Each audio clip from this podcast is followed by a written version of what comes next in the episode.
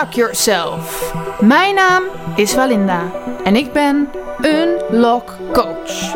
In deze podcast deel ik mijn levenslessen over zingeving, spiritualiteit, mindset, gezondheid, zelfontwikkeling, expressie, kunst en nog heel veel meer. Ook interview ik inspirerende mensen over deze onderwerpen. Dus luister je mee? En vandaag heb ik weer een gast in mijn podcast. En ik denk dat ik een traditie ga, ehm, hoe zeg je dat, doorbreken. Dus dat ik hem een keer niet ga doen. Eh, Hmm. Want ehm, jij zei dat je al een paar van mijn podcasts hebt geluisterd. Weet je wat normaal de eerste vraag is? Wie ben jij? Ja, Ja, die vraag krijg je zo wel. oké. Maar ik dacht, wat als we nou beginnen met... Wat is nou de beste openingszin? Wat is de allerbeste openingszin? Ja, Eh, eigenlijk eh, is een hele goede openingszin is heel eenvoudig. Hoi.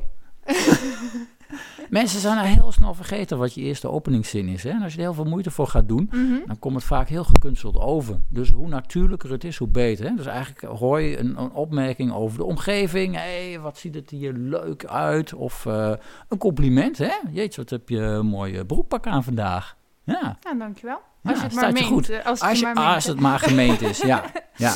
Oké, want wie ben ja, jij? Ja, ik ben, eh, wie ben ik? Nu komt de echte vraag. Ja, Ja. ik ben Hans Schieking. Ik ben eh, single coach. Dus ik hou me inderdaad bezig met openingsvragen. Ja, En vooral eigenlijk hoe krijg je een fijne, duurzame relatie. En Mhm. eh, vooral voor mensen die daar moeite mee hebben. Want dat is best wel een grote groep in Nederland. Ja.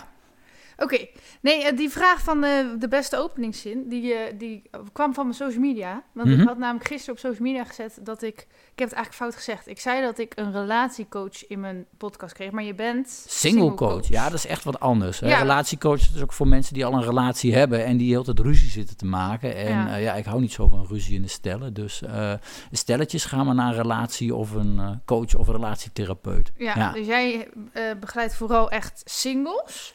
Klopt. En ehm, als we het dan even spiritueel eh, moeten aanpakken, wat is Ja. jouw missie op deze aarde? Hoe zou je het omschrijven? Eh, ik heb daar eens een keer naar gezocht. En wat er toen bij me boven kwam, was eigenlijk eh, mensen in verbinding brengen. Hè? En eigenlijk eerst met zichzelf. En Mhm. als je echt die connectie met jezelf hebt, eh, een hele mooie verbinding maken met andere mensen. Echt een diepe, mooie verbinding. Daar heb ik zelf ook een tijd naar gezocht. En ja, ik, wil, ik wil heel graag dat andere mensen dat ook gaan ervaren. Hoe mooi en hoe fijn dat kan zijn. Ja. Dus dat is mijn missie. Verbinding maken. Andere mensen verbinding laten maken. Voelen hoe dat is. Ik eh, vraag me dan eigenlijk als eerste af van... ehm, hoe weet je nou dat je verbinding hebt met jezelf? Want dat vind ik altijd, altijd een beetje een zweverige term of zo. Ja, ja, als je het heel simpel houdt, eigenlijk eh, verbinding met jezelf is, is, is jezelf accepteren zoals je bent. Ja. Hè? Dus met al je shit en duistere kanten en schaduwkanten en, en, en alles waar je niet tevreden over bent. Als je Mhm. daarmee oké bent, hè, Mhm. dan ben je al een heel eind. Mhm. En, en voelen in je lijf. Hè?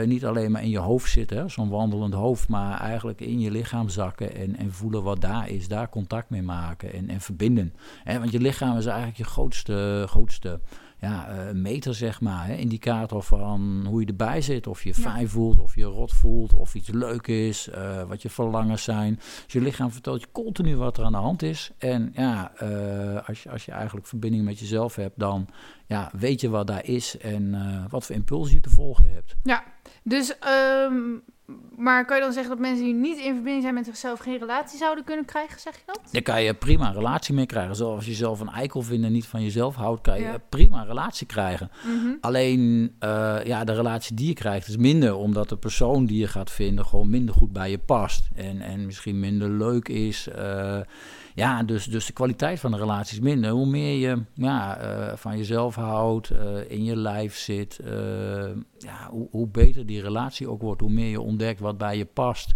En ja, hoe, fijner, hoe fijner dat op een gegeven moment gaat worden dan. Dus eigenlijk als je niet goed in verbinding staat met jezelf... trek je mensen aan in je leven die ook niet goed in verbinding staan. Ja, of tenminste niet goed in verbinding staan met jou. Niet goed bij je passen. Prachtige samenvatting, Walinda. Ja, Oh, heel dank goed. je, ja, Eh, ik krijg nu een cijfer. Nee, maar... eh, Eh, negen, is dat genoeg? ja. Nou, ehm, dan had ik Oké, Ja. ik had het eerst, want ik eh, bereid altijd vragen voor. Ik hoef me er niet precies aan te houden, maar ik ga ook een beetje mee in de flow. Ja, ja, Alleen toen kreeg ik vandaag, toen ik al vragen had voorbereid, ja. opeens nog allemaal andere vragen. En, en Oh, nu is het wow. één grote chaos. Dus dit wordt helemaal geen gestructureerd gesprek. Maar maakt niet uit, hè? Nee, nee, nee, nee. Ik hou wel van chaos. Le- lekker go in the flow. Go Nou, with the flow. Een Ja. van de vragen die vandaag in me Ja. opkwam was, die ik afgelopen weekend op een feestje hoorde. Ja? Het is wel gelijk lekker direct, want het gaat namelijk over seks. Hmm. nou, interessant. Ja. Iemand zei op het feestje Ja? dat als je veel seks hebt, dat je dan per definitie, of tenminste, ik weet, ja, ik denk wel dat diegene bedoelde met meerdere mensen, Ja? ik weet het niet helemaal zeker, Eh, maar dat je dan per definitie getraumatiseerd bent. Ben je het daarmee eens of mee oneens? Ik vind dat wel heel kort door de bocht. Oké. Ja, ja. Eh, ja, eh, het kan gewoon fijn zijn om met veel mensen seks te hebben, met veel verschillende mensen. Hè? Mhm. Maar het moet wel uit, uit vrije wil zijn. Ja. Hè? En, en, en je moet er wel echt van genieten. Mhm. En je hebt ook heel veel mensen die inderdaad getraumatiseerd zijn, die vroeger misbruikt zijn en Mhm. die seks gebruiken om, om liefde te krijgen hè? En, en, en aandacht. En, en eh, ja, dan doe je het niet meer uit vrije wil, maar dan zit er een soort dwang, drang achter. Mhm. Je ziet ook vaak mensen die in de seksindustrie werkzaam zijn, dat die ook wel ervaring hebben met eh, misbruikachtige situaties. Ja. Ja, Maar het is te zwart-wit om te zeggen dat het dus per definitie zo is, is eigenlijk wat je eh, ik, ik denk dat dat veel te kort door de bocht is. Ja. Ja. Oké. Ehm, ja, gaan we verder. Eh, Ja, andere vragen over Ja, seks. Ja. Nou ja, oké. Ik ga niet meer eh, de hele tijd, eh, hoe zeg je dat, feedback hebben over mijn volgorde. Die is heel raar. ja, Ehm, tegenwoordig gaat natuurlijk heel veel daten online. klopt. Ja. Ehm, hoe moet volgens jou een datingprofiel eruit zien? Ja, wat belangrijk bij een datingprofiel is, wat ik merk, is dat eigenlijk 95% van het effect van je datingprofiel wordt bepaald door je foto's. Mhm. Hè, mensen lezen eigenlijk bijna niet. Als je foto's niet goed zijn, dan, dan gaat het niet gebeuren. Mhm. Dus eh, wat belangrijk is bij een foto, is dat je in ieder geval een foto is waar je gezicht goed op staat. En, en ook echt verbinding maakt met de mensen die eh, aan de andere kant zitten. Dus, dus eh, in de camera kijken, geen bril op, lach, een echte lach. of, of veel zelfvertrouwen uitstralen, plezier uitstralen. Hè, foto's van mensen waar je graag bij wil zijn. Ja. Ja, dus dat, dus dat is belangrijk. Eh, je kan er een aantal foto's opzetten van activiteiten die je graag doet. Dat mensen een beetje een beeld krijgen in foto's van wie jij bent. Mhm. Ehm, wat verder belangrijk is, is ja, dat, dat de foto gewoon goed belicht is. Dat je een mooie achtergrond hebt. En, en eh, wat ik ook merk is dat mensen onbewust aannemen dat je net zo mooi of lelijk bent als je lelijkste foto. Mhm. Hè? Dus op het moment dat jij door een eh, hele goede fotograaf prachtige foto's laat maken en je zet er één foto bij waarbij je s'morgens uit bed komt met wilde haren, terwijl je de avond ervoor een wild feest gehad hebt, ja, dan is Mhm. dat eigenlijk het uitgangspunt. Van zo zou je er wel uitzien op het moment dat we hè, een date hebben. Oké, dus mensen gaan ervan uit als, als ze jouw profiel zien, dat, dat je eruit ziet als je lelijkste foto. Ja, ja dus, dus je kan met één foto je een prachtig profiel verpesten. Ik heb, Ja, maar Ja. tegelijkertijd, als jij alleen maar een mooie foto van jezelf erop zet en je valt dan in het echt behoorlijk tegen. dan heb je ook een probleem. Ja. want dan krijg je heel veel dates, maar eh, nooit een tweede date. Nee. Dus er moeten mooie foto's zijn die ook nog realistisch zijn. ja. Dus da- da- dat is eigenlijk eh, de die kunst. vind ik altijd wel. Nou ja, in ieder geval, ik had dus ehm, voor mezelf, eh, want ik zit dus ook wel eens op datingsites. Ja, oh, interessant. ja. dan, ik zet er eigenlijk wel altijd mooiere foto's op dan dat ik mezelf vind, laten we het zo zeggen. Ja. Want ik denk altijd van, ehm, ja, het is misschien slecht dat ik mezelf als een productie, maar als je iets koopt in de winkel, dan zie je toch ook de mooiste foto, zeg maar. Ja, En, en dan zie je later in het echt wel van, ja, oké, hij straalt niet zo mooi als op de foto. Ja. Maar ja, dus ik, ik geloof wel in dat eh, eerste indruk eh, blijft. Dus dan moeten je foto's maar gewoon heel mooi zijn. En dan misschien val je het echt tegen. Maar dat maakt je persoonlijkheid dan hopelijk goed. nou ja, mensen, mensen weten altijd wel hè, dat als je echt mooie foto's hebt, Ja. eh, dat je er in de werkelijkheid misschien ietsje minder uitziet. Hè? Maar waar je voor op moet passen is eh, hè, als, je, als, je, als je 30 bent Mhm. en je zet er foto's op toen je nog 25 was. Dat je echt nou, veel dat is jonger niet was. zo heel lang geleden. Ah, voor een datingprofiel maakt dat best wel uit. Ja, of als je vijf, 15 kilo aangekomen bent, dat je die foto's neemt eh, toen je dat nog niet had. Of als je hè, eh, stekeltjes hebt en daarvoor had je lange haren en je zet de foto's van de lange haren erop. Ja. Dus het moet wel een realistisch beeld geven. Ja. Dat je wat pukkeltjes wegwerkt of zo, of Uh-huh. eh, iets mooie stralende glimlach hebt dan wanneer je op je date verschijnt. Ja, dat kan natuurlijk. Dus ja. Ja, het moet wel herkenbaar zijn. Ja, want als dat niet zo is, dan knappen mensen gelijk op je af. En dan eh, ja, wordt het meer een beleefdheidsdate eh, met het idee van hoe snel kan ik weg? ja. Ja, dus Nou. dat schiet niet op. Ik, ik, ik vind het wel eh, moeilijk. is Dat ik, ik heb voor mezelf eigenlijk nog helemaal niet bepaald hoe, wat ik allemaal wel en niet ga vertellen in dit gesprek. Maar goed, ik denk dat ik het gewoon maar ga zeggen. Nou, kom maar op. Ehm, ja. Nou, dus, dus dan gaan we het dus hebben over mijn Tinder profiel. Ah, interessant. Ja. Ehm, eh, op dit moment, dat kan jij gewoon zien, eh, heb ik best wel een acne-aanval al een paar maanden. ja. En dat was eerst minder, zeg maar. Of Ja. bijna niet.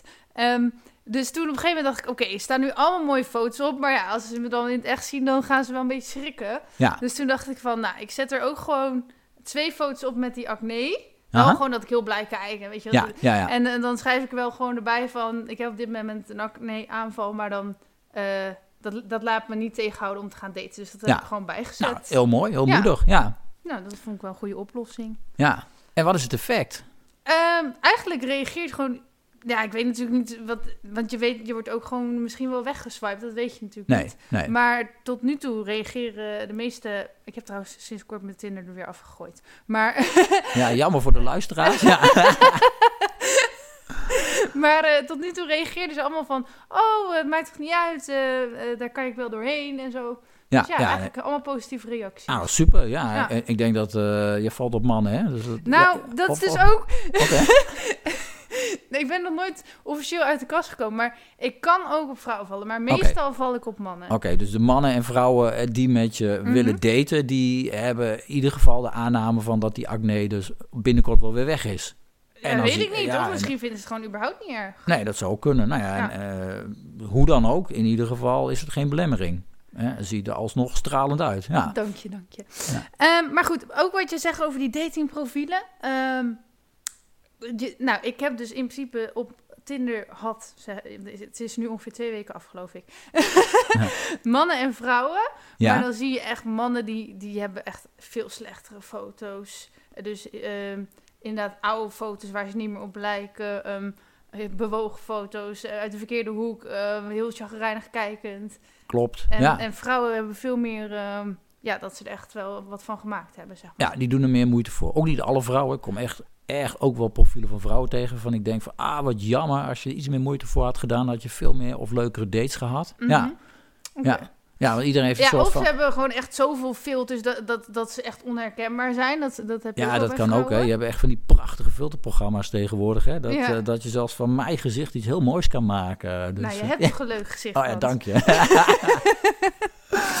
nee, maar ja, het moet wel realistisch blijven. Hè? Want Ja. je wil niet dat je... Ja, je ziet ook mensen die hebben dan veel te mooie foto's. Hè? Dat ik denk van, nou, daar lijk je echt niet meer op. Gaan ze daten en ja, worden telkens afgewezen. En als je gewoon vijf, zes keer na een eerste date afgewezen bent... Ja, dan, dan zakt ook je motivatie. En dan ja, kom je al met een seconeurig hoofd op een eerste date. En dan eh, zo van, ja, jij gaat me zeker ook weer afwijzen. Dus dat gaat ook niet werken. Nee, Nee, dus het gaat er echt om dat je, dat je een realistisch beeld van jezelf schept. ja.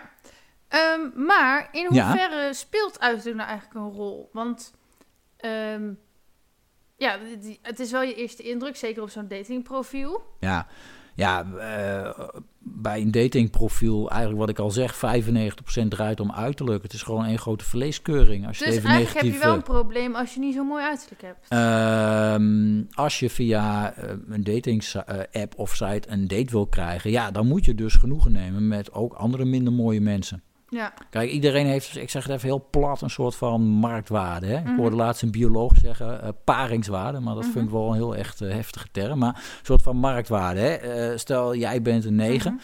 En je gaat heel aardig, maar op, ja. op, op, op, op, een, eh, op Tinder, hè? Dan, Ja. dan eh, ja, heeft Tinder ook een soort van eh, programmaatje wat ongeveer berekent wat jij dan bent op basis van hoe vaak je naar rechts geswipt wordt door mannen. Mhm. En dan krijg je ook andere negens te zien. En, Ja. en daar ga je dan waarschijnlijk mee daten. Ja, als je iets minder mooi bent, ja, dan krijg je misschien een 6 of een 7. En dan ga je ook met andere zessen of zevens daten. Ja. Ja, wat het probleem is, is dat heel veel mensen, die zijn zelf een 6 en die willen heel graag een 9. Want ja, er staan toch 200.000 mensen op Tinder. Ja. Dus waarom, eh, waarom ga je dan genoegen nemen met een 6 als er ook 9's op staan? Mhm. Dus die swipen zich helemaal gek om allemaal 9's te krijgen. Ja, en die 9's die denken van waarom zou ik met een 6 gaan daten? Ja, maar ik heb wel het idee dat je, wat je nu omschrijft, dat dat heel vaak mannen zijn die zichzelf een soort van overschatten. Of, tenminste, ik ken zoveel, ja, dat klinkt een beetje flauw, maar Ja, gewoon toch wel... Oké, ik wilde eh, een bepaald type schetsen, dacht ik, nee, dat kan over discriminerend klinken. nou ja, gewoon mannen die Ja. ik gewoon niet zo knap vind, ja. die, die dan inderdaad alleen maar topmodellen willen. Maar dan denk ik van, ja die, hoe kunnen die dan denken dat ze dat kunnen krijgen? Eh, nou, ja, eigenlijk een beetje hetzelfde idee. Hè? Als, je, als je een grote winkel instapt, een mooie Mhm. kledingwinkel met 5000 euro. Nee, ik snap wel dat ja. je ze wilt, maar Ja. je, hebt toch ook, je hebt toch ook een spiegel, neem ik aan? Eh, ja, dus, niet heel erg. Hè? Mensen denken van, ja, ik, eh, ik, ik koop een duur abonnement bij Tinder. Hè? Ik neem Ja. niet de gratis versie, maar ik tik even een paar tientjes af en dan kan ik nog meer. En Mhm. ja, dan kan ik dus ook kopen wat ik wil. Hè? Hetzelfde als ik met 5000 euro hè, naar de PC Hoofdstraat in Amsterdam ga. Ik ga pakken kopen. Ja, ik, ik zoek een mooi pak uit. Ik gooi dat geld op de toonbank. Dus hè? mannen zien eigenlijk een vrouw echt alsof je er kan kopen. op, eh, op, op eh, Tinder kennelijk wel. Want waarom haal je het anders in je hoofd om al die topmodellen naar, naar de goede rechts te swipen en, en niet enigszins realistisch te zijn? Ja, ik roep vaak tegen mijn klanten, ja, als je, als je zo iemand niet in de kroeg aan zou spreken, hè, eh, Mhm. zo- zo'n topmodel, waarom zou je er dan wel op Tinder naar... ja, maar eh, dat is natuurlijk wel, het is wel makkelijker om via Tinder contact te zoeken. Want dat is een minder harde afwijzing dan in de kroeg. eh, dat klopt inderdaad. Maar ja, als jij continu afgewezen wordt, ja, dan schiet het ook niet op. Nee. Nee, Maar goed, nu Ja. zijn we dus wel een beetje aan het oordelen. Maar we kunnen Ja. niet zeggen iedereen is knap. iedereen is mooi. Ja, niet iedereen ziet eruit als een topmodel. Nee. Nee, want als je gewoon even door gaat zoomen, hè, als je iemand wat beter kent, hè, ook al heeft hij niet eh, het standaard eh, prachtige uiterlijk, ja, mensen hebben gewoon heel veel mooie dingen. Ja. Hè, en, en, en, en raken je en je kan er heel fijne tijd mee hebben. Mhm. Dus, eh, dus uiteindelijk is uiterlijk niet zo belangrijk. Maar ja, ja als, als je op een Tinder-profiel, als daar heel veel foto's op staan en maar een heel klein beetje tekst, ja, waar oordeel je dan op? Ja. Ja. Ik zit nog even, we gaan het nu, de- dit was het onderwerp uiterlijk. Ja. Maar, maar sommige mensen zijn, ja, ja, we kunnen ook zeggen iedereen heeft wel wat leuks. Maar ik denk dat er heel veel mensen zijn, die zijn misschien wel gewoon helemaal niet leuk om een relatie te hebben. Om een relatie mee Ja. te hebben. Ja, Ja, gewoon- die zijn er echt. genoeg chagrijnige, zeurende, saaie, brommende mensen, denk ik. Eh, die heb je. Je hebt ook nog psychopaten, je hebt narcisten, eh, je hebt allerlei mensen met vervelende afwij, mensen die zwaar depressief zijn, hè, Mhm. die gelukkig wel weer beter worden, maar op het moment dat ze zwaar depressief zijn, is het ook niet leuk om een relatie mee te hebben. Nee. Nee. Maar, en, maar jij bent dus single coach. Ja. Ehm, heb je dan ook mensen die je afwijst om te helpen? Van, van nou, jij bent toch niet leuk, dus jou kan ik toch niet helpen? Of hoe? dat, zal wel, dat zal wel de genadeklap zijn. Nee. oh, dat is wel echt... eh, Ja, Ben je al jarenlang aan het zoeken, helemaal wanhopig, kom je bij jou zeggen... Nee, jij bent niet meer te redden. Jij bent niet leuk genoeg. Ja, nee, dat, zal, dat wel heel erg zijn, als dat mijn overtuiging zou zijn. Nee, op het moment dat mensen echt eh psychopatische trekken hebben of Mhm. narcistische trekken en niet openstaan voor feedback of, of dat soort dingen, hè, of, of echt eh, een vrouw zoeken en dan heel denigreren naar vrouwen zijn, dan zou ik ze niet aannemen. Maar dat soort mensen komen eigenlijk ook niet naar een single coach toe. Nee, Dus dat heb ik gelukkig nog nooit hoeven doen. oké. Nee. Maar ook, ook mensen die minder mooi zijn, mensen die, die eh, een naverleden gehad hebben, eh, noem allemaal maar op, mensen die misbruikt zijn. Ja, over het algemeen komen die wel in een relatie terecht. Het is gewoon wat, wat meer werk, hè, als, je, als je echt een naverleden hebt. Maar eh, ja, veel is wel op te lossen. Mhm. Ehm, we gaan naar het onderwerp kwetsbaarheid. Interessant. En om Ja. gelijk kwetsbaar te beginnen, dacht ik, dan ga ik mijn eigen issue ehm, bespreken. Ja, heel dapper van je. Heel goed. Ja. Maar er komen straks ook andere kwetsbare onderdelen. Ehm, nou, wat ik zelf best lastig vind. ehm, dat gaat niet alleen over liefdesrelaties, maar relaties in het algemeen. Ja? Dat ik ben best wel ehm, iemand die graag mensen entertaint. Mhm. En misschien ook wel een beetje pleased. Maar Ja. ja. vooral entertained. Dus ik heb het gevoel Ja. dat ik mensen altijd moet vermaken. Dus ik moet altijd leuk zijn en gezellig zijn. En maar ja, je bent natuurlijk niet altijd leuk en gezellig. Soms ben je gewoon chagrijnig, soms ben je moe. Ja, klopt. Ehm, Dus hoe kan ik ontspannen? Ja, dit is dan misschien niet meer voor singles. Maar goed, hoe kan ik ontspannen in een relatie? En misschien ook in vriendschappen. Want, want, want dat is dus eigenlijk zeg maar, op het begin kan ik nog heel leuk doen, maar op een gegeven moment hou ik Ja. het niet meer vol. Nee, nee, nee, nee. nee. Nee, wa- wa- wat ik daarmee doe, hè, als je met dit soort dingen Ja. bij me komt, is eigenlijk kijken van wat voor overtuiging zit daar nou onder. Hè? Mhm. Vaak zit er een onbewuste overtuiging onder. Van, ja, als ik mensen niet ga entertainen, dan moeten ze me niet meer, dan wijzen Ja. ze me af. Mhm. Ja, dus, dus de eerste tip zou zijn om daar aan te gaan werken. Van, is dat echt waar? Hè? Wijzen ze je echt af of moet je per se altijd mensen entertainen? Mhm. Eh, op het moment dat je daar wat rustiger in wordt, hè, dat je ook ontdekt van, oh, nou ja, het kan ook wel eens anders zijn. Hè. Je hoeft niet altijd mensen te entertainen, dus dan, dan zwakt die overtuiging af. Hè. Daar doen we vaak ook nog wel andere dingen mee. En dan, dan eens uitproberen Mhm. bij vrienden hè, of, of bij een collega van, ja, wat nou als ik eens eh, rustig mezelf word? Hè, eh, op het moment dat ik zagrijnig ben en even niet heel leuk doen, hè, eh, lopen ze dan allemaal weg of blijven ze gewoon en doen ze gewoon nog aardig tegen me? Mhm. En wat je dan ontdekt is dat mensen gewoon aardig blijven doen. Nou, als je echt heel lang zagrijnig bent, niet hoor. Eh, nee. nee, nee, nee, dus, dus niet te lang. Maar eh, ja, als je gewoon, eh, ik bedoel, niet elk mens is heel lang zagrijnig. Tenzij je echt in een depressie zakt of Ja. zo. Dan wordt het een heel ander verhaal. Maar ja, dus, dus gaan experimenteren met, met gedrag. Hè? Dus Ja. echt jezelf zijn. En kijken wat mensen dan doen. En ja, meestal blijkt dat het gewoon goed gaat. Tenzij jezelf zijn inderdaad mensen uitkafferen is. En echt nadoen. Ja. Maar ja, maar dat is nog wel een goeie. Iedereen heeft natuurlijk wel vervelende trekjes. ja. Dus, dus wat als het nou een beetje in je karakter zit om heel erg te zeuren en te en chagrijnig te zijn? En moet je dat dan afleren of moet je dat accepteren? Wat, wat Dat is een interessante, ja. ja of een partner vinden die daar eh, goed mee om kan gaan. Ja, elkaar af kunnen zeiken. ja op, op elk potje past wel een dekseltje, zeggen ze. Dus, eh, ja. Ehm, wat heb ik hier nou? Ja, wat heb je Ja, daar er- nou? Er staat, maar ik begreep me eigen vraag me niet meer. Maar ik denk dat ik wel begrijp wat ik bedoel. Er staat hier, hoe deel je je kwetsbaarheid zonder afhankelijk te worden? Maar ik denk dat dat iets meer uitleg nodig heeft. ja, dat, eh, Ehm. zelfs voor mij heeft dat wat meer uitleg nodig. Nou, ik denk dat het, mm, die is misschien ook te snel opgeschreven. Maar vroeger was ik een beetje, want toen was ik zelf ook nog best wel kinderlijk. En dan kreeg ik zeg maar een relatie en dan werd hij bijna een soort van mijn vader of zo, weet je wel. Hm? Ehm, ja, en dan ging dus ook, als ik verdrietig was, ging daar de hele tijd eh, van, oh, ik ben zo zielig. ah. Dat heb ik nu veel minder. Maar, maar dan word je dus wel, ehm, ja, hoe zeg je dat? Ja, wat is nou mijn vraag? ja, Ehm, nou, gewoon als je dus verdrietig bent of, of het gaat even niet zo goed met je, zeg maar, en je wil dat delen. Ehm, hoe zorg je dat je dat kan doen terwijl je dan wel gelijkwaardig blijft, zeg maar? Want anders krijg je misschien al heel snel. ehm, ja, Ja. Een, een, een scheve verhouding, Ja. dat de een boven de ander komt Ja. te staan. Ja. Ehm, ja, dat krijg je eigenlijk alleen als je partner dat ook doet. Hè, dat je alle twee kwetsbaar kan zijn. Als alleen de een maar kwetsbaar is en de ander gaat in de helperrol. ja, Ja, dan, dan, dan krijg je eigenlijk een soort eh, kind-ouder relatie. ja, Ja, of, of coach-coachie relatie. Dus ja, eh, een goede relatie is dat je gewoon beide kwetsbaar kan zijn. Dat je beide elkaar kan steunen op het moment dat de ander het even moeilijk heeft. ja, Ja. ja. dus die kwetsbaarheid mag er gewoon zijn, maar het moet wel, wel in balans zijn. dus daar gaat het uiteindelijk om. Het gaat om balans. Dus Ja. als je een, een, een vriendje hebt eh, wat nooit kwetsbaar is naar jou en jij alleen maar naar hem, ja, dan gaat het niet goed. Nee, Nee, dan krijg je scheve verhouding. en andersom ook niet trouwens. Precies, ja. Ehm, wat moet je... Ja, dus ik heb toch een beetje relatievraag terwijl je eigenlijk single coach bent. Je mag op een gegeven moment ook gewoon pas zeggen. Ja, ja, nee, maar op, op, ja, ik bedoel, op het moment dat je gaat daten, dan heb je eigenlijk, eh, ben je al in een soort van relatie. Hè? Je, Mhm. je, hebt- je hebt een soort van relatie met elkaar, een daterelatie. Ja. ja.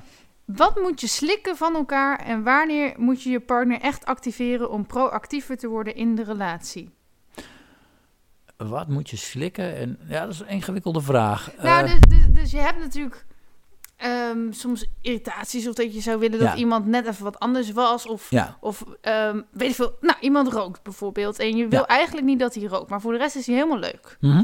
Ehm, nou, dan hoop je toch stiekem dat hij ooit stopt met roken. ja, Dus, dus dan ga je met hem daten van, ja, hij rookt wel, maar ach, als wij wat hebben, dan stopt hij er vast wel mee. ja, projectje. Hè. ik, ik, ik los dat wel even op. Ja, eh, en, maar als het nou één dingetje is, is het nog niet zo erg. Maar dan op een gegeven moment denk ik, ja, hij eh, drinkt eigenlijk ook wel heel veel alcohol. Maar, nou ja, dit zijn allemaal slechte gewoontes dan. Maar, Ehm, dus wat moet je slikken en wanneer mag je verwachten dat iemand zelf wel verandert, zeg maar? Ja, ja ehm, what you see is what you get. Dus eigenlijk, uh, zoals je iemand aantreft bij je eerste date, uh, dat is je uitgangspunt. Ja. Dus ik, ja, je moet eigenlijk niet verwachten dat iemand gaat veranderen. Want nee. dat loopt, over het algemeen loopt het in een teleurstelling uit. Ja. Ja. En, en, uh, maar als je bijvoorbeeld, dan hebben we het dus niet over roken en dat soort dingen, maar meer Ja. van um, iemand hangt de hele dag op de bank of zo. Ja. Dat zie je misschien niet de eerste keer dat je iemand ziet. Nee, nee, ja, daar kom je op een gegeven moment achter. En, en dan is dat je uitgangssituatie. Hè? Want echt, ik kom echt heel veel mensen in mijn praktijk tegen die, die al tig keer geprobeerd hebben om een man of een vrouw te veranderen. Mhm. En het is nog nooit gelukt. Oké, dus eigenlijk moet je alles. Oké, maar ja. Ja, Dus, maar je mag je dan ook niet. Ja, het mag wel natuurlijk, maar. Dus ik heb iemand ontmoet. ja, Dan, dus hij lijkt helemaal leuk. En dan kom ik achter, shit, hij hangt eigenlijk de hele dag op de bank. Dan mag je toch wel, dan kan je wel gewoon zeggen van... Goh, eh, je zit heel veel op de bank. Of zodat je er een opmerking over maakt. natuurlijk. Je kan wel je verlangen uitspreken. Hè? Zo, Ja. goh, ik, ik zou het ook prettig vinden als je, als je, als je andere dingen gaat doen. Hè? Dat je een Ja. baan gaat zoeken. Of eh, dat, je, dat, je, dat je leuke hobby's gaat doen. Dat we samen dingen kunnen Ja. gaan doen. Ja, maar wat gevaar is, is dat iemand dat om jou te krijgen... even dat nieuwe gedrag in gaat zetten. Ja, dat ken ik Maar trouwens. dat dat niet bestendig is. En dan na een paar weken, hè, als hij je helemaal heeft en jij bent uh, knetterverliefd, dan valt Mhm. hij gewoon weer in zijn oude gedrag terug. Ja, ik heb wel... ehm, Dan zit je met een ja, gebakken ik heb peer wel eens, of, eh, ja. ehm, beginnende relaties met blowers gehad die dan voor mij gingen stoppen. Maar ik zei niet eens dat dat moest of zo. Nee. Maar ze wisten wel, als je daarmee doorgaat, dan wordt het lastig. Ja, ja, dan uiteindelijk na een paar maanden blowen ze weer. ja dus, eh, dus, dus ja, projectjes, dat heeft geen nut. Eh, dus, dus niet doen. Hè. En, en, en wat ik merk eigenlijk, hè, ook bij, bij het zoeken van een relatie, Ja. dat ik tegen mijn klant zeg van, oh, een echt een aantal dingen heel belangrijk, hè, wat er tussen jullie is. Wij noemen dat relatiewaarde. En dan gaat het over je veilig voelen, dat je fijne gesprekken hebt, dat de seks fijn is, dat je... eh, ehm, eh, echt oprechte interesse in elkaar hebt. Dus allemaal van dat soort dingen. Dat je samen leuke dingen kan doen. Die dingen zijn echt essentieel. Hè, als je een goed gesprek met je partner kan hebben, dan wordt het nooit een leuke relatie. Als je je niet veilig voelt, gaat het nooit wat worden. Nee. Als je alleen maar slechte seks hebt, dan ja, eh, kan je net zo goed eh, met een vriend of vriendin in huis gaan wonen. Mhm. Dus dat is essentieel. Oké, maar wacht even. Als dus alles leuk is, behalve de seks, Ja?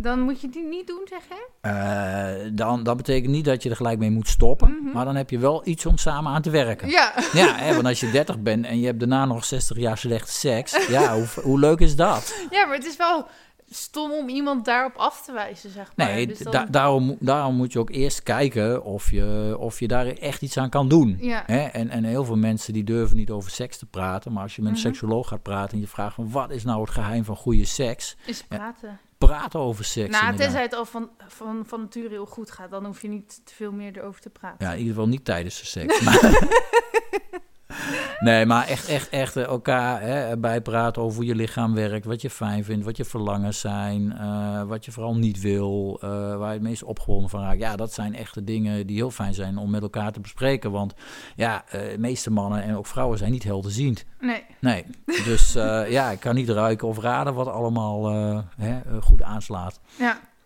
Ehm, even kijken hoor. Mm, Ja, heb je nog meer spannende, leuke vragen? ehm, werkt het om hard to get te spelen? En zo ja, hoe pas je dat dan op een juiste manier toe? Ja, Eh hard to get, dat vat ik meestal op als spelletjes spelen. Mhm. Hè? En op het moment dat je spelletjes gaat spelen, hè, oh, hij heeft een appje gestuurd, ik wacht even een dag speciaal met beantwoorden, ik doe alsof ik druk ben, of eh, nou ja, allerlei ander gedrag wat bij hard to get hoort. De meeste mensen voelen dat wel. Oké, dus jij zegt het werkt niet. Eh, ja, bij sommige mensen werkt het wel. Mensen die je goed kan manipuleren, daar werkt het wel bij. Maar ja, Mhm. wat voor fijne relatie krijg je dan?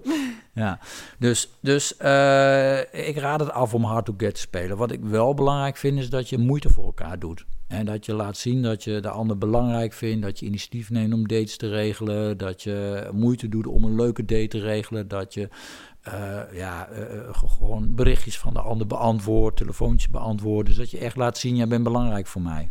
Oké, maar ik heb wel dat ik vrij snel te snel en te veel wil, zeg maar. Ja, Dus, dus ik speel wel een beetje hard to get om te zorgen dat iemand niet al helemaal gek van me wordt, zeg maar. Eh, ja, maar is dat hard to get of is dat bij jezelf blijven? Hè? Ik zie dat meer als bij jezelf blijven. Hè? Want, want als, je, als, je, als je ergens overal bovenop duikt, dan is het van... joh, ik wil jou heel graag. En maakt niet uit hoe leuk of hoe, hoe stom je bent, hè? als je bij maar kiest. Mhm. Hè? Maar als je goed bij jezelf blijft, dan heb je ook de houding van... joh, ik wil even kijken of wij wel bij elkaar passen. Hè? Bij- Ja. En, en, en of jij mij wel belangrijk vindt. Mhm. Hè? Of, of ben, je, ben ik een soort buitenkansje voor jou? En dan gaat het natuurlijk om dat, dat, dat je dat gevoel wel wil hebben. Dat je ook speciaal bent voor die ander. Ja. Ja, Oké, dus wat ik dan doe is eigenlijk niet hard to get, maar is meer gewoon gezond. Eh, ja of desperate. eh. Nee, gewoon, ik weet gewoon dat ik heel snel, dan vind ik iemand leuk en dan ga ik hele tijd appen en de hele tijd aandacht vragen of zo. ja, en, en, En, ehm, nou, dat is al minder dan vroeger. Hè. Vroeger deed ik dat echt alleen maar. nou, heel goed. Ja. Ehm, maar gewoon omdat ik dat weet van mezelf, probeer ik me daarin in te houden. En, en Ja. voor mij voelt dat als hard to get spelen. Het is natuurlijk helemaal niet hard to get, maar Nee, nee. Ja, en, en als, als, als het om mannen gaat, ja, Mhm. alles wat mannen makkelijk kunnen krijgen, dat is niet zo heel veel waard. Hè? Nee. Toen, toen mijn zoontje tien was en ik nam hem mee naar de speelgoedwinkel. Ik zeg, hé hey Koen, eh, je hebt je 50 euro, ga maar mooi speelgoed uitzoeken. Ja, dan zoekt hij wat uit en dan speelt hij er een week mee. En dan gooit hij daarna weer in de hoek. En zeg je, papa, gaan we weer naar de speelgoedwinkel. Hè? Ik vind mijn speelgoed niet meer leuk. Ja, eh, op een gegeven moment denk je van, joh, laat hem maar lekker gaan sparen. En laat maar heel veel moeite doen. Ja, en dan op een gegeven moment, dan, dan koopt hij iets eh, van zijn eigen geld. En dan speelt hij er een half jaar mee. Ja. Ja, en, en zo werkt het ook bij mannen. Ja, hè, op het moment dat ze jou eh, op een presenteerblaadje aangeboden krijgen, hè, ze hoeven geen enkele moeite voor jou te doen. Eh, jij regelt de dates, Mhm. Eh, jij zorgt dat er nieuwe afspraken komen, dat de date leuk is, jij vermaakt ze. Ja, dan, dan daal je in, in, in waarde op de een of andere manier onbewust. Hmm. Ja, dus, dus, dus ja, hè, wat dat betreft worden mannen niet heel veel anders wanneer ze opgroeien. Dus, dus maar ja, is, ja. Dat, is dat echt per definitie zo? Want, Nou, het is een onbewust proces, hè. Mhm. Ik merk gewoon als, als, als ik klanten heb en die vrouwen die doen heel veel moeite voor die man, dat er vaak minder uitkomt dan wanneer het in balans is of ze laten die man ook gewoon moeite doen. ja, En, en moeite doen is wat anders dan hard to get spelletjes spelen. ja, Ja, moeite doen is echt van, joh, laat zien dat je mij belangrijk vindt. Dat je moeite voor me wil doen. Dat je, dat je echt eh, hè, ehm, ja, mij, mij op een belangrijke plek neerzet in jouw leven. ja. Nee, maar dat is misschien wat ik dan wel bedoel met hard to get. Ik voel dat het niet helemaal in balans is. En Ja. dan doe ik een stapje terug. Dat is het meer. Ja, dat is, maar dat is ja, niet, niet het hard to get spel, maar dat is, eh, ja, laat die ander ook maar eens zien dat die moeite gaat doen. Ja. En als ik dus geen moeite merk, dan denk ik, nou, dan niet. Doe je. Nee, dan, eh, dan zijn er zat andere mannen die wel, eh, wel Ja. de waarde inschatten. Ja, maar ja, hetzelfde als ik naar de fietsenmaker ga hè, en ik wil een nieuwe elektrische fiets. En die fietsenmaker zegt, ah, ik heb daar een fiets van 1500 en ik wil hem heel graag aan jou verkopen. En alsjeblieft wil je hem kopen, ook, ook al koop je hem voor, voor 500 euro, dan mag je hem nog hebben. Ja, dan ga ik achter mijn oren krabben van, wat is er mis met die fiets? Ja. Ja. Hè? En als ik bij een andere fietsmaker kom en zeg, ja, hè, die kost 1500 euro, ik heb er nog maar één. Hè? En ja, eh, of, of, of misschien is de leeftijd wel, wel, wel, wel een paar maanden. Ja, dan denk ik van, oh, die zal wel heel bijzonder zijn. Mhm. Ja, Dus- schaarste, ja. Ja, ja ik, ik ken het wel vanuit eh verkoopdingen inderdaad. Ja, ja, maar ja werkt natuurlijk ook in trucje dating. werkt ook nog Maar in dating. werkt Ja, het ook andersom? Dus, eh, want je zegt, je hebt het nu dit over mannen, ja. Maar als vrouw het makkelijker, dan ben je ook saai, toch? Als? Nou, oké, als een man mij heel leuk vindt, dan denk ik altijd van, nou, dat is ook niet spannend. Eh, nee, dat is ook niet spannend. Maar op zich eh, ja, eh, is, is het wel een prettige uitgangssituatie. Hè? Ja, ik heb ook heel veel vrouwen die zeggen... Aha. ja, maar als ik geen moeite hoef te doen voor een man... ja, dan hoef ik hem ook niet. Ja, Ja, maar ja, op het moment dat jij dan weer heel veel moeite gaat doen voor een, voor een ja, het klinkt een beetje old-fashioned, maar eh, als, als, als eh, vrouw voor een man, ja, dan kan op een gegeven moment kan zijn dat die dan denkt van, eh, oh, ja, eh, die zal wel geen mannen kunnen krijgen, of zal wel niet zo heel interessant zijn, of ja. Dus, dus heel oud, ouderwets allemaal, maar Mhm. dat zijn toch echt die onbewuste processen die, die, Die nog steeds ondanks gelden. alle emancipatie nog steeds doorwerken. Ja. ja, en je hebt natuurlijk ook mannen die heel verlegen zijn, hè? daar heb je er natuurlijk ook steeds meer van. ja, Ja, en als dat gewoon echt een leuke man is, ja, en je doet niks als vrouw en je gaat zitten wachten, dan gebeurt er gewoon niks. nee. Nee. Dus, maar dat is dan ook weer lastig. Ja, dan is dan ook weer lastig. Ja, dus dan is het ook wel eens goed om in het begin even te laten zien van, joh, ik vind je een leuke man. Ja, want van die, van die boer-zoek-vrouw eh, mannen, zeg Ja. maar. Je weet wat ik bedoel, toch? Ja, zeker. die, Ja, ja, die ja. gaan volgens mij niet heel erg lopen jagen of zo. Eh, nee, dus daar is het goed om even te laten zien van... joh, ik vind je hartstikke leuk, hè? En je maakt een goede kans. En dan even achterover te gaan zitten leunen, hè? Van, joh, wat gaat hij nou doen? Ja, Hè, gaat hij zelf ook wat terug doen? Gaat hij ook moeite voor me doen? Hè? En dan krijg je wel weer die balans. Als je dan ziet maar, dat maar dat doen ze uiteindelijk dan wel, dat soort types. Eh, ja, als, als het heel duidelijk is dat je ze echt leuk vindt... Mhm. dan gaan ze op een gegeven moment wel voor je. Hè? We zijn natuurlijk eh, ook bang dat ze afgewezen worden... en hebben misschien slechte ervaringen of zo. Ja, maar als heel duidelijk is van... ja, ik vind je leuk, hè? Mhm. en ik wil iets met je. Ja, en eh, dan gaan ze op een gegeven moment ook wel. Oké. Tenzij ze je niet- echt niet leuk vinden. Dan, eh, ja. Mm. Nog een Nou, leuke vraag. ja. Eh, ja, ik hou, ik hou het allemaal anoniem, maar eh, Ja. een poosje geleden kwam ik iemand tegen Ja. die zich eh, best wel eenzaam voelde. Mhm. Ehm, en nou, ik voel me ook wel eens eenzaam. Ik ken Ja. wel meer mensen die zich wel eens ja, er zijn echt superveel mensen die zich op dit moment eenzaam voelen. Ja, Alleen, ehm, als iemand de hele tijd zegt van ik ben zo eenzaam, ehm, ja, dat, dan wordt het een beetje onaantrekkelijk voor mij of zo. ja, geef ik je groot gelijk in. Ja, Ja, Dus, dus dat wilde ik eigenlijk even van. ehm, ehm, hoe moet je omgaan als je dus echt al heel lang. Heel, dat, dit is, geldt dus niet voor mij, maar je bent al heel lang heel eenzaam. ja. ehm, en je, je ziet geen oplossing. En hoe moet je daar dan mee omgaan, zeg maar? ja, relatie aangaan. Ja, het scheelt, ja. ja, maar, hoe doe je dat? Ja. Want dan kom je zo aan oh, ik ben zo eenzaam. Dan denk je, nou, die hoef ik ook niet. Eh, nee, nee. eh, ja, wat ik altijd roep, hè, iedereen heeft wel een rugzakje. Ja. Hè, ieder- eh, als je kijkt op, op je veertigste heeft geloof ik al, al, al het grootste deel van de Nederlandse bevolking een chronische ziekte. Ja, en als je op die eerste date al komt van nou laten we eens even over al mijn ziektes en mislukte relaties hebben. Ja, dan, dan hè, stel je hebt astma en, en je vertelt bij je eerste date ik heb astma en ik moet om twee uur moet puffen en, en dat soort dingen allemaal. Ja, dan ben jij, eh, hè, dan ben je Hans met astma. Mhm. Hè? En, en heel in de verte nog wat andere dingen. Hè? Maar als ze me eerst leren kennen. Hè? En vertel op de, op de vierde date van, eh, ja, hè, stel dat ik astma zou hebben, ik heb astma. Hè? Dan hebben ze al heel veel andere dingen van je gezien. Ja. Hè? Dan ben je Hans die leuk kan dansen, coach is, dat, dat, dat. En ook nog astma heeft, waar ik als date geen last van heb. En toch, ik ben Ja. best wel een open boek. Dat, dat hoor je alleen al in deze podcast, denk ik. Ja, heel mooi. Ja, Ja, maar als ik dus een date heb, dan, dan zeg ik ook gewoon alles. ja. ja en, en, daar moet je dus een beetje mee oppassen, omdat mensen heel veel vooroordelen hebben tegenover Ja, van alles. Ja. heb ik wel heel vaak dat, dat iemand dan als- nog wel een keer met me- dat het niet een afknapper is, zeg maar. Nee, nou, dan heb je mazzel. Ja, en eh, het ziet er goed uit. eh, Nou, dank je niet voor Ja. Oké, Ehm, sorry. Oh, dit- deze hele podcast lijkt nu een beetje over mijn datingleven te gaan. Maar ja, ik... ik Ja, maar dat is toch ook zo? Ja, maar, ik, nee, maar dat was niet per se waar ik wilde Ja, het is wel leuk, want we hebben een mooie praktijkcase. Ja. ja, vind je het leuk? Oké. Ja. Ehm, ehm, nou, dit gaat niet over mij. Ja. Hoe houd je je relatie goed als je kinderen hebt? Als je kinderen hebt, eh, wat heel belangrijk is, is dat je voldoende kwaliteitstijd aan elkaar besteedt. Mhm. Wat, wat, wat, ja, wat ik ook zelf merk als je kinderen hebt, is dat, dat eh, eh, je steeds minder tijd voor elkaar hebt. Hè? Want en werk gaat door en je hebt ook nog hobby's en vrienden. En voordat je het weet besteed je gewoon veel te weinig tijd aan elkaar. Dus eigenlijk, ook al heb je een relatie, toch nog zeker één keer in de week een date plannen. Hè? Dat je echt tijd met elkaar doorbrengt en, en, en aan elkaar vertelt wat je bezighoudt, eh, wat je raakt. Dus dat, dat, is, eh, dat is heel belangrijk. En, en ook echt, hè, we hadden het straks over kwetsbaarheid, ook je kwetsbaarheid bespreken met elkaar. Ja. Ja, hè, dus wat gaat er in je om? Wat houdt je bezig? Eh, waar word je verdrietig van? Wat zijn je verlangens? Ja, dus op die manier verbinding houden met elkaar. Oké, dus eh, veel tijd voor elkaar plannen en praten eigenlijk. Eh, ja, eh, genoeg tijd. Hè. Veel tijd heb je natuurlijk niet als je kinderen hebt. Zeker Nee. niet als ze klein zijn. Maar Ja. echt blijven praten en, en toch kwaliteitstijd inplannen. Hè. Zoek een oppas en zorg dat je er met elkaar echt een avondje uitgaat. Oké.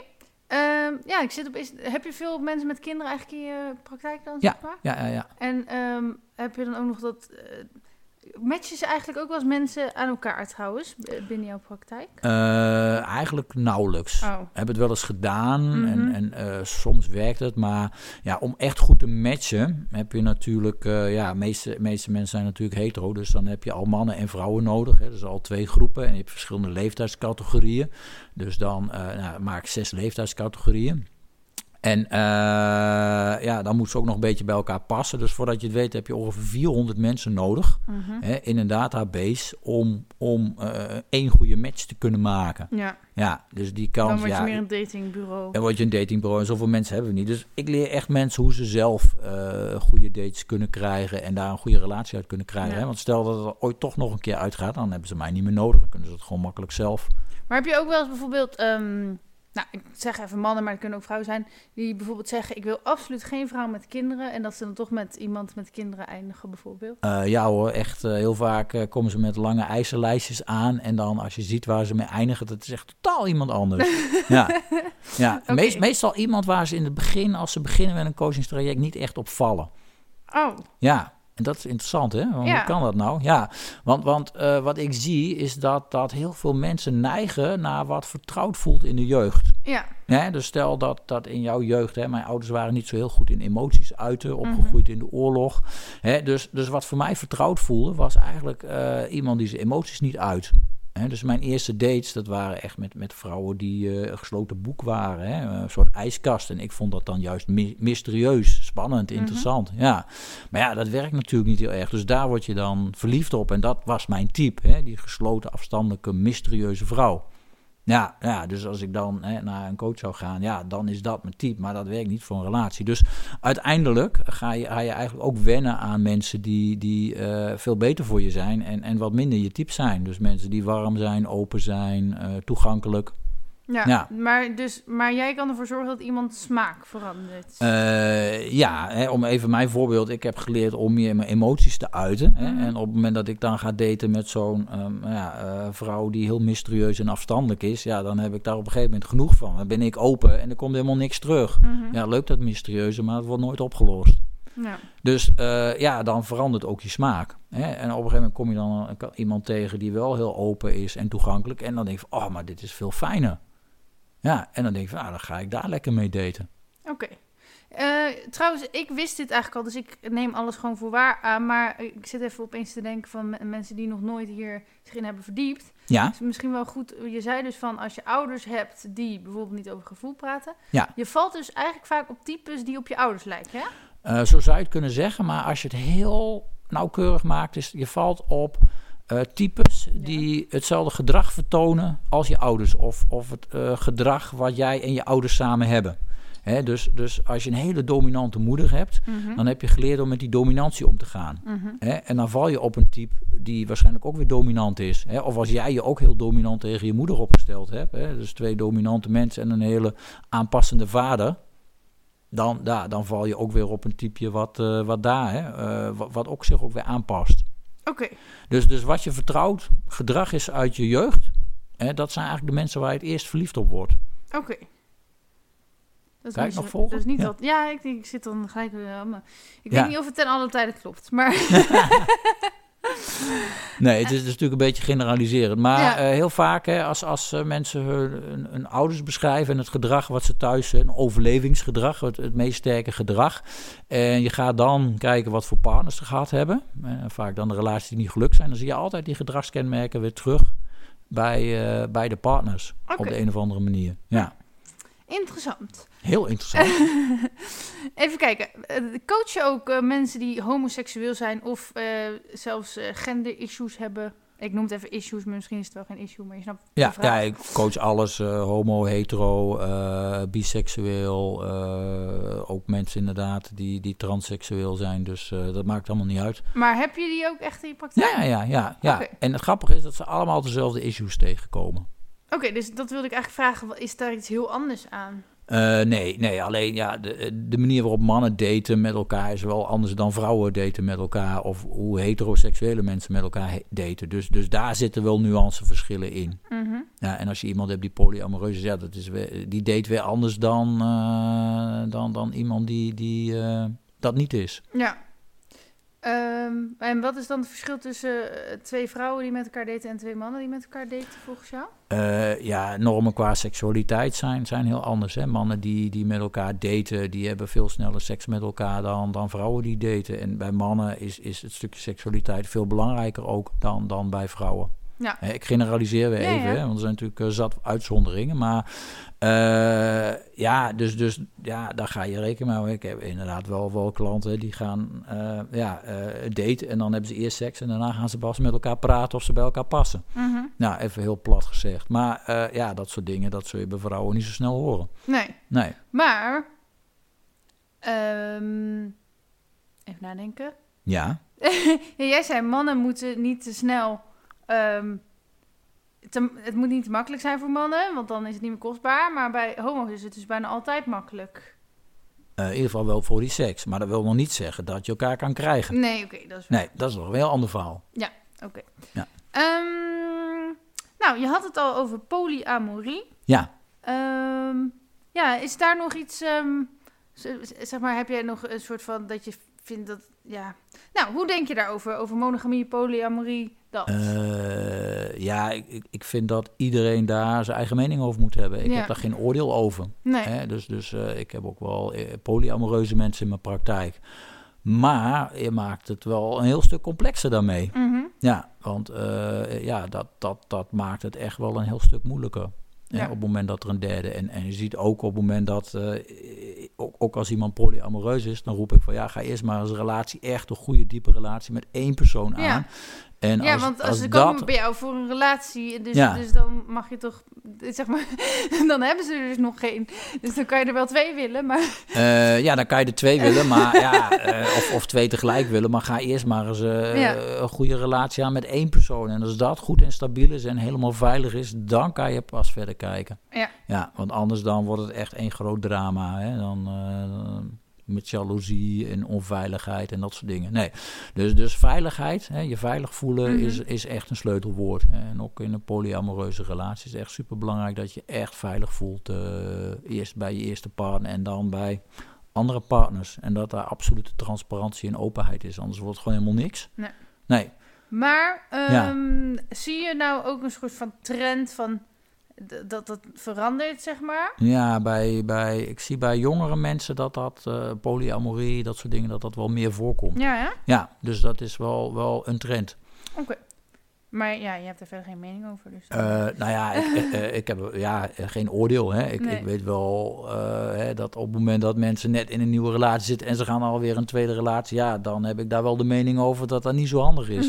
dat dat vragen is om problemen. Ja. Hè, maar ik heb daar geen oordeel op of dat goed of slecht is of zo. Nee, hè. Het is alleen een heel stuk complexer. Hè. Ja. Dus één relatie is al, al, al een hele uitdaging voor mensen om die goed te houden. En nou, als je er twee of drie hebt, dan wordt die factor wordt dan opeens vier of uh, negen keer zo zwaar. Ja. Um, hoe kwam jij erbij om singlecoach te worden? We gaan meer naar jou. Ah, interessant. Ja. Hoe kwam ik daarbij om Ja. singlecoach te worden? Ja, uh, eigenlijk een aantal dingen. Uh, ik vond het belangrijkste is dat ik altijd al heel leuk vond om over relaties te praten. Mhm. En dus het aangaan van relaties. Hoe, hoe werkt dat? Hoe gaat dat? Uh, wat komt daarbij kijken? Waarom lukt het de een wel en, en de ander niet? En nou, vind ik echt super interessant en super boeiend om daarmee bezig te zijn. Mhm. En ehm, ja, ik, toen, toen ik jong was, toen bakte ik er helemaal niks van. Hè. Meestal werd ik na één date alweer afgeserveerd. Ik was veel te verlegen. Ik eh weinig zelfvertrouwen. Kon niet zo heel goed met vrouwen babbelen. Is, eh, Ja, dat werkt totaal niet. Dus ehm, ik heb heel veel aan mezelf moeten werken om zelf stappen te maken. En eh, nou ja, dat in combinatie met erover praten. En op een gegeven moment erachter komen, eh, toen ik coach wilde worden, dat, dat eigenlijk bijna niemand was in Nederland die dat deed. Toen dacht ik van, ja joh, ik ga van hobby praten over relaties, ga ik mijn beroep maken. Dus eh, ik ga eh, echt een goede coachingsopleiding doen.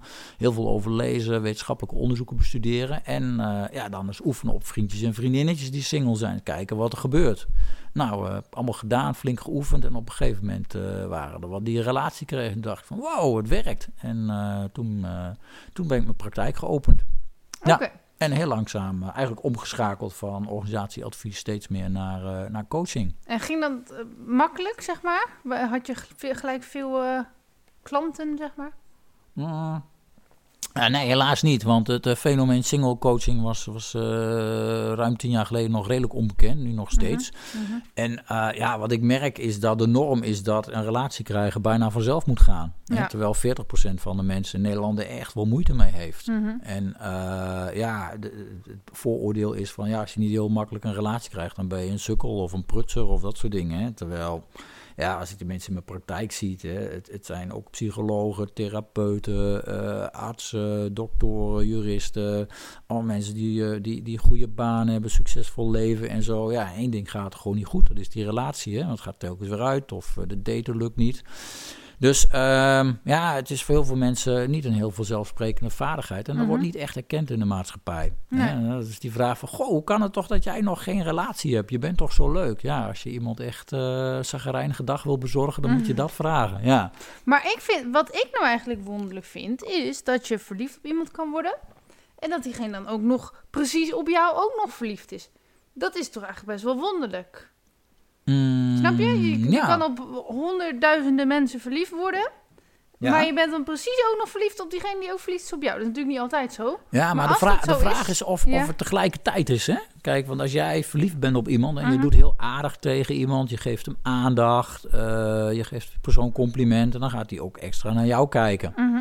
En dat kan ook zijn dat die persoon, hè, als je eh, elkaars type bent, Mhm. dat die persoon daardoor weer sneller verliefd op jou wordt. Ja, Ja, maar toch vind ik vind dat best wel wonderlijk. ja het, het is ook wel een wonderlijk proces hè, Ja. dat mensen op elkaar verliefd worden. Maar Ja. vaak eh, is het eerst de een die verliefd wordt en de ander die dan maar in meegaat. Oké. Hè, want als je, als je met elkaar vrijt, als je elkaar diep in de ogen kijkt, complimenten geeft, emoties deelt, ja, dat zorgt ervoor dat je, dat je snel verliefd kan worden op iemand. Ja. Nou, dus je kan dat proces wel degelijk eh, beïnvloeden. Oké. Ja. Dus eigenlijk gewoon door verliefd te worden, maak je diegene ook snel verliefd. Eh, dat kan. Ja, dat zou zomaar eh, kunnen gebeuren. Vooral mensen die elkaar dan eh, ja, real life tegenkomen. Hè, op je werk of Mhm. op een sportvereniging of op studentenvereniging of op, op universiteit. Ja, kan maar zo zijn dat dat daar ontstaat. Hè. De een doet heel aardig en, en, en besteedt veel aandacht en die ander vangt het op. En denkt van wow, wat een leuk persoon is dat. Hè. En stelt zijn hart open en boem, daar ga je. Ja. Terwijl eigenlijk is diegene misschien wel helemaal niet zo leuk, alleen maar tegen jou.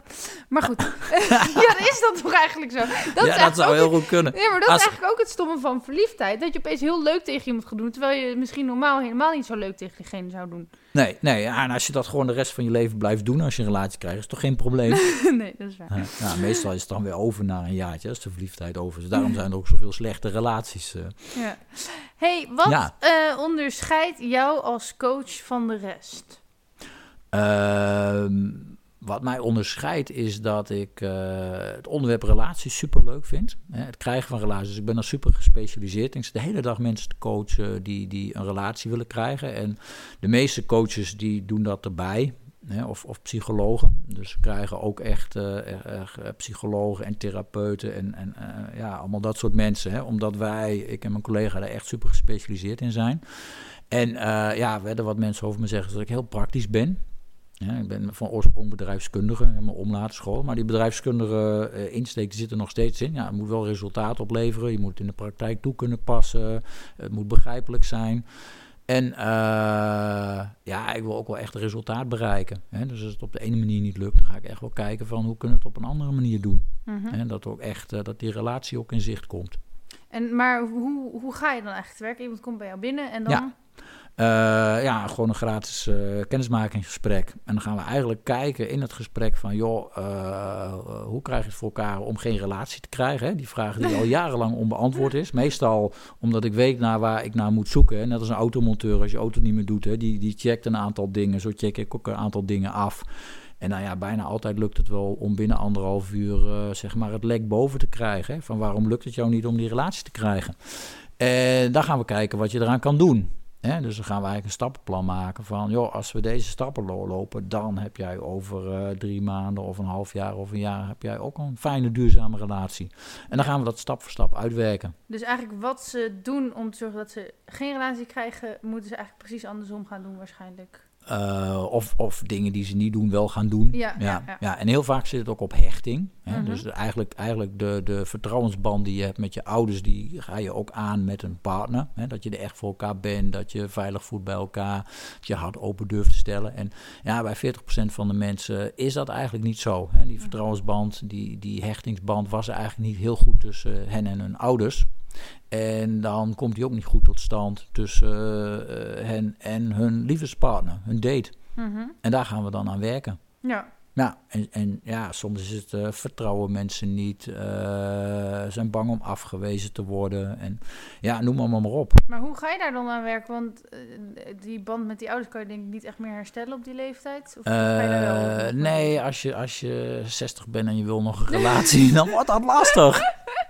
Nee, dus, dus hoe werk je dan aan dat er toch een band kan worden opgebouwd, in ieder geval met een, een nieuwe persoon? Ja, uh, vaak zit er een diepere angst onder. Ja. Hè? Echt, echt als je helemaal af gaat pellen van wat zit er nou onder. Hè? Angst om afgewezen te worden, onzekerheid, uh, bindingsangst, verlatingsangst. Dus heel vaak is het een veel voorkomend iets wat, wat, wat komt. Ja, wat we gaan doen is, uh, is met die angst aan het werk. Hè? En er zijn heel veel verschillende methoden voor. Mm -hmm. En uh, ja, dat kan, kan, kan variëren van trauma's oplossen tot, tot mensen laten daten en laten zien van joh, het gaat wel goed. Hè? Of als je, als je bindingsangst hebt, als je benauwd gaat voelen, hoe ga je daarmee om? Ja. Hè? Is het erg dat je dat zegt, onder woorden brengt? Nou, het is bijna hetzelfde als hè, een, een techniek die werkt. Hè? Bijvoorbeeld als je bang bent voor spinnen. En uh, ja, je gaat in de buurt van een spin zitten, je voelt die angst en je praat erover, dan verdwijnt al een deel van je angst. Ja. Ja, hè, en zo werkt het ook bij bindingsangst of verlatingsangst. Hè? Als je, dus je gaat mensen laten daten en dan heb je een oortje, hebben ze een oortje in waarin je zegt, zie je wel, het gaat goed. Ja, ja, ja dat, hebben, dat hebben we wel eens gedaan voor een tv-programma, maar in, in de echt werkt het iets anders. Dan gaan ze daten en dan bellen ze me de volgende ochtend op, ah, ik voel me toch wel helemaal gestrest en benauwd, en, uh, maar ik, ik heb het wel gedaan en uh, hè, ben niet weggerend. En dan, ja, dan gaan we met die angst aan het werk. Ja. Hè? Voel die angst maar eens. Hè? En door erover te praten, door toe te laten... en op een gegeven moment ook met hun date te bespreken... als ze wat langer daten, dan uh, merken ze dat het, uh, dat het beheersbaar is... veel minder is, uh, dat je er niet in meegezogen hoeft te worden. En dan wordt het opeens al heel anders. Maar het kan natuurlijk ook dat je...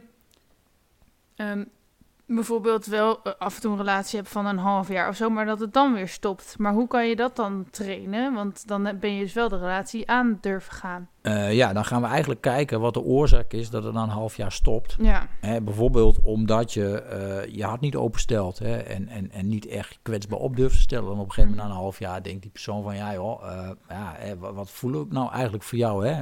ja, het is eigenlijk een soort, soort wat oppervlakkig vriendschap met seks. Ja, Mhm. hè, hoe leuk is dat? Ja, en dan op een gegeven moment, in het begin is dat allemaal leuk en op een gegeven moment is het nieuwe eraf en dan stopt het weer. Ja. En dat gaat zo vijf keer achter elkaar door. Dus op het moment dat iemand wel zijn hart open durft te stellen en die verbinding aangaat, dan zie je wel dat daar een duurzame relatie uitkomt. Dus we moeten wel echt kijken van wat is de oorzaak. Ja. Oké. Okay. Ja. Mm, mm, mm. Wat zijn de geheimen van een goede relatie? Dat heb je nu eigenlijk al gezegd, je hart openstellen. Uh, het belangrijkste is uh, kwetsbaar durven zijn en de verbinding aan te durven gaan. Ja, en, en dan ga je aan elkaar hechten. En uh, op het moment dat je echt open blijft communiceren, je hart open blijft stellen, veel tijd aan elkaar besteedt, dan, uh, of genoeg tijd aan elkaar besteedt, ja, dan blijft het over het algemeen goed gaan. Ja. Um, ja, dus is dat dan Ja. ook het uh, antwoord op de volgende vraag? Hoe houd, ja. hoe houd je je relatie spannend na de eerste datingfase? Ehm, dat is inderdaad een interessante vraag. Uh, eigenlijk door, door ja, nieuwe dingen te blijven doen hè? En, en te kijken wat je leuk vindt. Dus, dus, dus op internet, als je, als je gaat kijken wat je allemaal kan doen. Uh, uh, leuke dates organiseren, hoeft helemaal niet veel te kosten. Hè? Ik bedoel, pak eens een keer een picknickmand en ga naar het strand en ga daar lekker picknicken. Hè? Of, of uh, doe eens iets spannends of zo. Ga eens een keer met elkaar naar een klimwand of weet ik wat. Dus uh, door, door eigenlijk moeite te doen voor elkaar van wat vindt die ander leuk, uh, hoe kan ik die ander verrassen, hoe kan ik die ander toch eens even in het zonnetje zetten. En, en op die manier hè, blijf je vernieuwen en blijf je leuke dingen doen. Ja. Ja, dus het blijft echt, echt kwaliteitstijd en, en die op een goede manier invullen. Leuk. Ja, Ja. ik zit even. Het is best leuk eigenlijk, hè? Bestaat onvoorwaardelijke liefde volgens jou? Eh, ja, in ieder geval van ouders naar kinderen. Mhm. En als je echt een mooie, diepe eh, liefdesband met je partner hebt, dan is daar ook onvoorwaardelijke liefde. Maar dan gaat het er wel om dat je aan elkaar hecht. En dat doe je door echt je hart open te stellen, kwetsbaar te zijn, empathisch te zijn. Maar onvoorwaardelijk betekent toch eigenlijk dat je er niks voor terug hoeft, als het ware? Ehm, ja, en, en, en dat ontstaat als je het eh, eh, belangeloos terugkrijgt. Ja, maar als Ook, je dus ja. niks terugkrijgt, dan... Ja, dus dat vind ik altijd zo ingewikkeld aan onvoorwaardelijke liefde. Van, volgens mij kan dat bijna niet, want je geeft altijd heen en weer. Ja, ja, uiteindelijk als je niks terugkrijgt, dan verdwijnt de onvoorwaardelijkheid. En dan wordt het toch voorwaardelijk en dan wordt het een slechte relatie. Tenzij je dus bijvoorbeeld iemand hebt die echt, eh, weet ik veel, je partner is ernstig ziek geworden en je verzorgt je partner nog of Ja. zo. Dat vind ik onvoorwaardelijke liefde, maar... Ja, dat klopt. Ja. Ja, ja maar dat is heel lastig. Hè? Dat, eh, ja, dat moet je in de praktijk gaan ervaren dan, hoe er dat uitziet. Maar, ja, oké. Ehm, tu- tu. Nou, nog een leuke vraag. Ja, ik ga nog even kijken. Ja, Mm. ik zie dat er nog een heleboel voorbij komen. Ja, We kunnen dat- nog mooi een tweede podcast maken. ja, dat zouden we inderdaad kunnen doen. Mm, mm. Dus ik, ik ga wel even al die vragen langsvallen. Er staat Ja. er nog een hele... Hele brandende, boeiende vraag. Maar, ja, ja, ja, ja, dat was eigenlijk jouw tak van sport, Oh, hoorde ja. ik. Dat jij goed mensen kon Oh ja, entertainen. ja. er staat er één ware. En hoe weet je dat die er is? Ik, ik geloof niet in één ware, want dan moet je net uit die 7,5 miljard mensen precies die ene persoon weten te vissen. Dus Mhm. dat, dat is bijna niet te doen, hè? Dan moet je de hele wereld rondreizen. Ja, eh, ik, ik geloof dat je met 1 op de 50 mensen in, je, in jouw leeftijdscategorie van het geslacht waar je opvalt, een beetje ongeveer hetzelfde opleiding, zodat je daar een hele fijne, goede relatie mee aan kan gaan. Sorry, met hoeveel? 1 op de 50, zeker wel, misschien wel 1 op de 25. Dus er zijn er eigenlijk heel veel. Dus er bestaan veel potentiële waren. poten- ja, er bestaan heel veel potentiële waren, heel veel potentiële partners waar je echt een fijne relatie mee aan kan gaan. Ik weet nog Ja. wel echt, toen ik inderdaad, eh weet ik veel, 12 was of zo, dacht ik echt dat er maar één iemand zou zijn die echt voor jou voorbestemd is, hè? Ja, Hoe dan? hoe dan? Ja. ja, dan kom je in de spirituele theorieën terecht, waar je inderdaad gelooft dat je eh, ergens eh, voordat je geboren werd met elkaar afgesproken hebt, wij gaan elkaars partner worden. Maar dat wordt echt een hele andere tak van sport waar we het dan over gaan hebben. Ja, maar daar Ja. geloof je dus absoluut niet in. Eh, dat zeg ik niet. Dat Hmm. zou, zou wel kunnen. Hè. Ik, ik, ik heb wel mensen die ik dan in mijn leven tegenkom waarvan ik denk van, nou, hè, eh, dat voelt al zo vertrouwd alsof we elkaar al jaren kennen. En dat, ja, dat is wel een bijzonder gevoel dan. Ja, en ja, of, of je die dan al eerder hebt eh, ontmoet in een ander leven of dat soort dingen. Maar goed, dat, ja, dat is, eh, dat is weer iets heel anders. Ja, maar dat komt wel voor. Of het is een superklik, dat kan ook. Ehm, we gaan naar de laatste vier vragen. Interessant. Ga ik proberen. Proberen. Ja, vertel, vertel. Omschrijf de Hans van een aantal jaar geleden in een dieptepunt ten opzichte van de Hans van nu. Wat heeft hij geleerd? Eh, de Hans in het dieptepunt, nou, eh, da- daar gaan we echt wel een tijd terug. Mhm. Ehm, wat ik toen echt niet kon, was mijn emoties tonen. Daar had ik echt heel veel moeite mee. Ik zat echt super in mijn hoofd. En eh, daardoor duurde het ook best wel lang voordat ik vriendschap opbouwde. Eh, in het begin toen ik ging daten, dat was ook vrij afstandelijk allemaal. En het werkte allemaal niet heel fantastisch. Dus eh, ik heb vrij in, in een training vrij hardhandig geleerd om wel mijn emoties te tonen. Doordat ik echt een hele groep tegen me had die, die mij echt liet voelen van... joh, als jij niet die verbinding met ons aangaat, hè, dan hoeven we je niet. Dus dat was wel een soort schokeffect. En toen Mhm. viel het kwartje op een gegeven moment. Dus dat was wel echt wel een keerpunt in mijn leven. Echt, echt voelen hoe belangrijk het is om die verbinding te maken... door je hart open te stellen naar andere mensen. Ja. Eh, ja, eh, ik had eh, flinke verlatingsangst. Hè, dus eh, wat jij ook hebt, hè, veel te eager, veel te hard op. ja, veel- vind je dat ik verlatingsangst heb? nee, dat, dat gaat wat te ver. Maar Nee, een ik denk van dat de het klopt verschijnselen... hoor.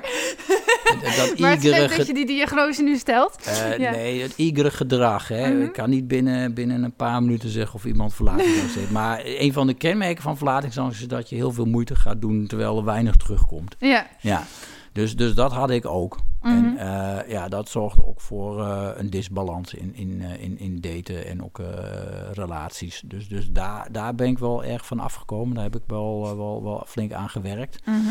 Ehm, Ja, en ik had natuurlijk ook wel oude patronen. Heel veel aandacht aan andere mensen geven, pleasen en, en weinig terugkrijgen. Dus daar ben ik ook mee gestopt. Dus de relatie die ik nu heb is veel meer, veel fijnere balans.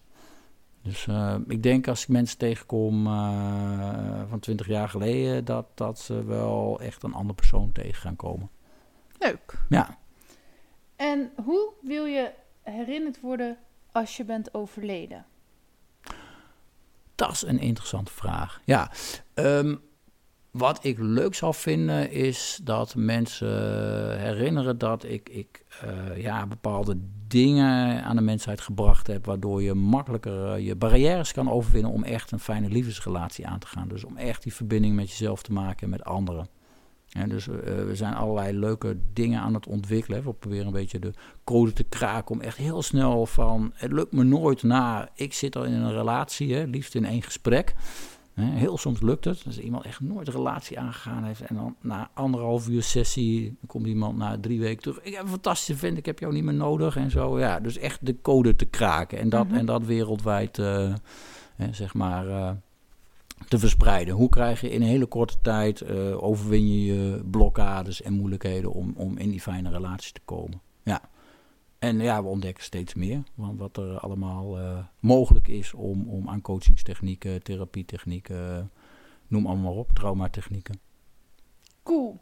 Um, wat is het allerlaatste wat je de luisteraars nog mee zou willen geven? Dus wat heb ik niet gevraagd of wat is je hoofdboodschap? Geef bij het daten iemand echt een eerlijke kans door hem echt goed te leren kennen.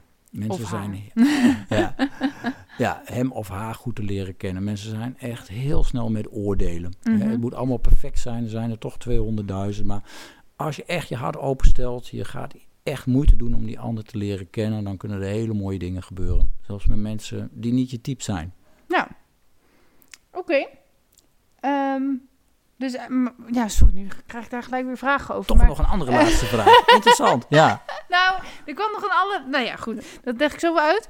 Maar, dus je wil eigenlijk dat mensen uh, niet per se voor hun eerste type gaan, maar dat misschien wel een beetje veranderen. Uh, ja, ook, ook andere soorten mensen die misschien niet je type zijn, dus een goede eerlijke kans geven en kijken wat daar kan ontstaan. He, want als je alleen maar voor je type gaat en het werkt niet, ja, dan gaat jouw type dus niet werken. Ah, zo. Ja, he, dan zou je wat anders moeten proberen. Als je altijd doet wat je altijd al deed, he, dan krijg je die slechte relatie of geen relatie die je altijd al had. Ja. ja. Oké, okay, ik snap wat je zegt. Mooi. Um, dan de allerlaatste vraag. Mm -hmm. Spannend. Uh, want ik ga zo naar de uitknop lopen. En dan mag jij zeggen waar mensen jou kunnen vinden als ze jou nodig hebben of nog een vraag aan je hebben dus waar kunnen ze jou vinden? Ja, waar je mij kan vinden is op internet en heel simpel singlecoaching.nl. Als je dat intikt, dan uh, kom je bij mij.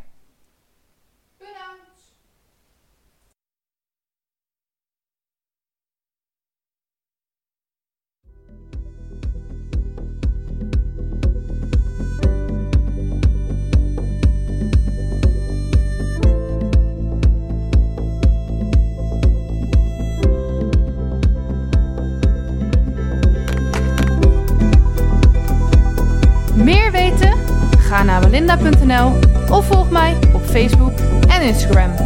Doei!